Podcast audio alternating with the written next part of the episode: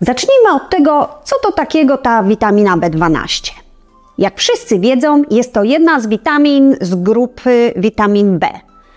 Występuje głównie w produktach pochodzenia zwierzęcego. Głównym jej źródłem są podroby, mięso, mleko i jego przetwory oraz żółtka jaj.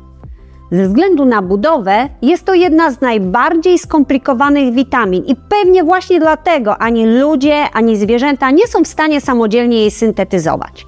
Robią to jedynie bakterie żyjące w glebie, na resztkach organicznych, korzeniach roślin oraz w niektórej żywności fermentującej. No i oczywiście nasze bakterie znajdujące się w jelicie grubym. Tu jednak zaznaczyć trzeba, że witamina B12 produkowana przez nasze bakterie w jelicie grubym jest dla nas całkowicie bezużyteczna, gdyż nie jesteśmy w stanie wchłaniać jej z tego poziomu. W naszym organizmie witamina B12 krąży w formie metylokobalaminy i adenozynokobalaminy. W swojej pracy, jak i w otoczeniu przyjaciół, rodziny i znajomych obserwuje coraz częściej pojawiający się deficyt tej witaminy w ich organizmach. Wynika to z wielu przyczyn. Podstawową przyczyną braku tej witaminy jest niewłaściwa dieta, ale problem jest niestety głębszy. Witamina B12 jest dość specyficzna, a jej wchłanianie się w organizmie ludzkim jest uzależnione od wielu czynników. Prześledźmy, jak to się odbywa. Po pierwsze, jak wspomniałam wcześniej, witamina B12 znajduje się zarówno w mięsie, mleku, jego przetworach, jak i w jajach. Tak? Analogicznie jest więc związana z białkiem.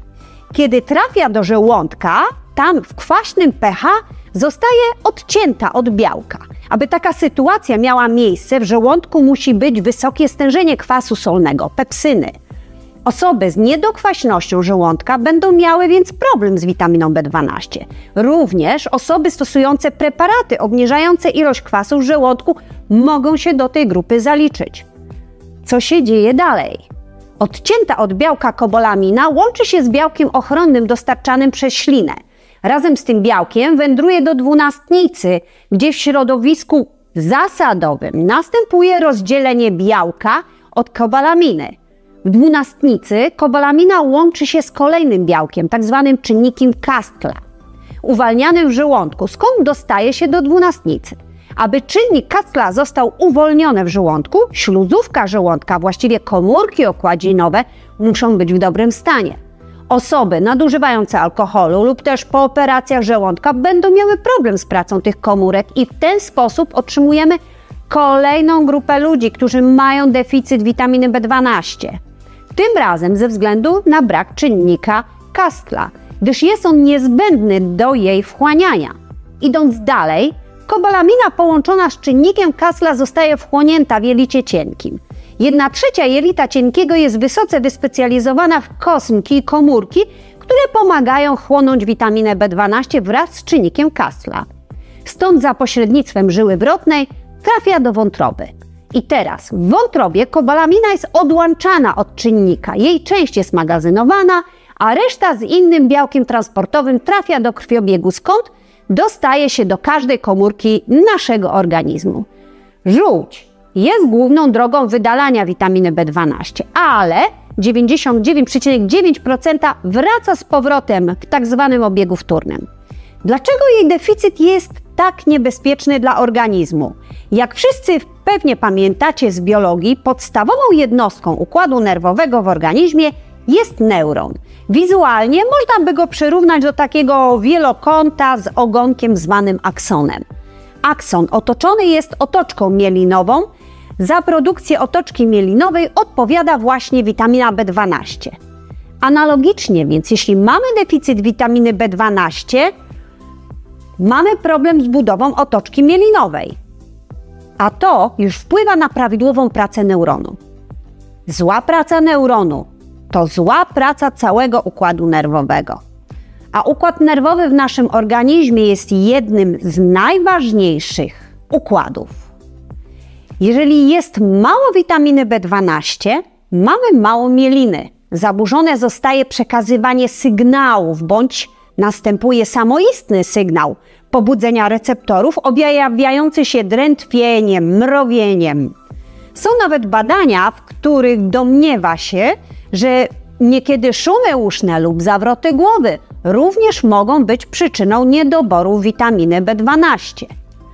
Podsumowując to, do zaburzeń wywołanych deficytem witaminy B12 możemy zaliczyć bóle czuciowe, mrowienie, drętwienie, przeczulicę węchową, a nawet brak węchu, problemy z narządem wzroku spowodowane niedoborem mieliny w nerwie wzrokowym, zaburzenia w funkcjonowaniu nerwów smakowych, osłabienie smaku. Deficyt witaminy B12 może wywoływać bardzo wiele zaburzeń, również w układzie autonomicznym, współczulnym i przywspółczulnym. Zawsze, kiedy objawy są związane z neuronem, psychiatrii, neurologii czy internie, należy zbadać poziom witaminy B12. Występują wtedy zaburzenia równowagi, senność, pogorszenie pamięci. Pamięć to neurony, a szwankujące neurony mogą być wynikiem niedoboru witaminy B12. Co jeszcze? Bladość skóry, pojawiająca się w wyniku zaburzeń regulacji dopływu krwi do skóry, spowolnienie oddychania, bezdechy, depresja, agresja, myśli samobójcze, psychozy. Nawet pogorszenie się wyników w nauce może być wynikiem niskiego poziomu witaminy B12.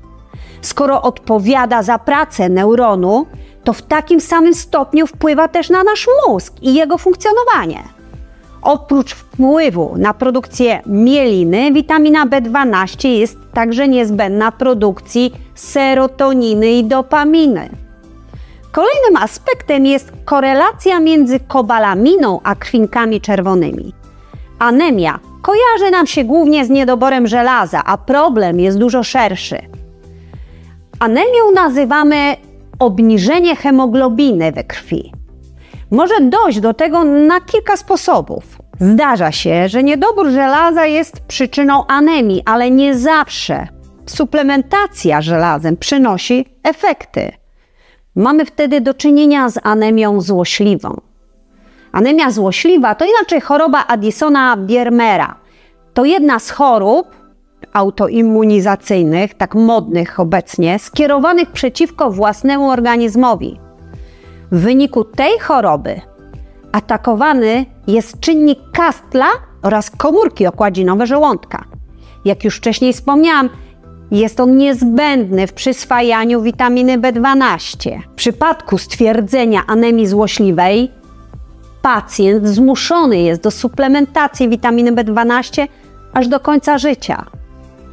Warto też zauważyć, że u 30% diabetyków stosujących przewlekle głównie i powszechnie stosowany lek metforminę odnotowuje znaczący spadek poziomu witaminy B12.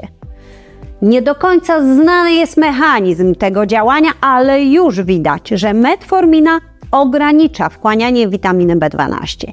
Jest to więc kolejna grupa z deficytem tej witaminy. No i właśnie, suplementacja. Jak widać z przedstawionych wcześniej przykładów, jest wiele grup ludzi, którzy wymagają suplementacji witaminą B12. Z tym, że osoby te należy podzielić przynajmniej na dwie grupy pod względem zdolności wchłaniania.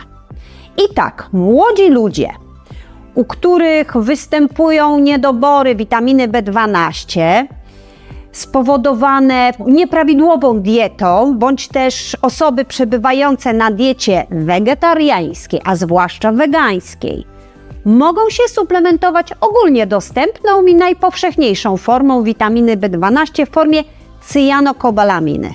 Natomiast osoby po resekcji żołądka ze stwierdzoną anemią złośliwą czy innymi problemami z układem pokarmowym, a także osoby od 50 roku życia powinny suplementować witaminę B12 domięśniowo lub w formie metylokobalaminy rozpuszczalnej pod językiem. Forma rozpuszczalna pod językiem jest o tyle dobra, że wszystko się wchłania i po rozpuszczeniu w ślinie i szybko przynosi naprawdę efekty. Bezsensowne jest też stosowanie dużych dawek, gdyż organizm ma ograniczone możliwości wchłaniania, a doustnie wchłania się od 5 do 50 mikrogramów. Wszelkie nadwyżki zostaną wydalone skałem. Na koniec jeszcze wisienka na torcie. Witamina B12, a homocysteina. Homocysteina to organiczny związek chemiczny z grupy aminokwasów powstający u człowieka w wyniku demetylacji aminokwasu metioniny, pochodzącej ze spożywanego białka. Jej wysoki poziom w osoczu jest istotnym czynnikiem ryzyka wystąpienia choroby wieńcowej, zawału serca, miażdżycy tętnicy szyjnej, tętnic obwodowych, miażdżycy tętnic mózgowych, udaru mózgu, zakrzepicy żylnej i zatorowości tętnicy płucnej. Witamina B12 jest jedną z witamin obniżających poziom homocysteiny w organizmie, zmieniając homocysteinę z powrotem w metioninę. Gdy jej zabraknie, automatycznie podnosi nam się poziom homocysteiny, która jest nam do niczego niepotrzebna, a uszkadza w organizmie wszystkie białka. Nadmiar homocysteiny jest wolno usuwany przez nerki. Aby zapobiec nadmiarowi homocysteiny, człowiek musi mieć wystarczającą ilość witaminy B12, kwasu foliowego, czyli B9 i pirodyksyny, czyli witaminy B6. W celu diagnostyki witaminy B12 i zgłębienia przyczyn oraz skutków, jakie niesie jej niedobiór, najlepiej jest wykonać przynajmniej dwa badania. Badanie poziomu witaminy B12, które w zależności od laboratoriów powinno się mieścić w zakresie 200 a 1000 pg na ml. Zaznaczyć tu należy jednak, że najlepszym wynikiem wydaje się tu być wartość między 600 a 800. Spotkałam się już z pacjentami, u których na poziomie 200, 300, a nawet 400 widoczne były dolegliwości na tle neurologicznym, np. drętwienie, mrowienie czy nerwobóle. Zbyt wysoki poziom witaminy B12 wiąże się z uszkodzeniem hepatocytów, czyli komórek wątrobowych, gdzie jest magazynowana. Większość kobalaminy jest magazynowana wewnątrz tych hepatocytów i jeżeli mamy stan zapalny, one się rozpadają i do organizmu zostaje uwolniona kobalamina. Jeśli mamy poziom powyżej 1000, to już jest podejrzenie, że mamy problem z wątrobą. Badanie poziomu homocysteiny w zależności od laboratoriów to zakres od 3,7 do 13,9 ml na L. Jak już wspomniałam, wysoki poziom homocysteiny może być wynikiem deficytu witaminy B12. Może nieść ze sobą szereg różnych dolegliwości, m.in. bezsenność. Dlatego powinniśmy monitorować i dbać o właściwy poziom witaminy B12. Mam nadzieję, że poruszony temat był na tyle ciekawy, że zachęci Was do obejrzenia kolejnego. Dziękuję za uwagę i zapraszam.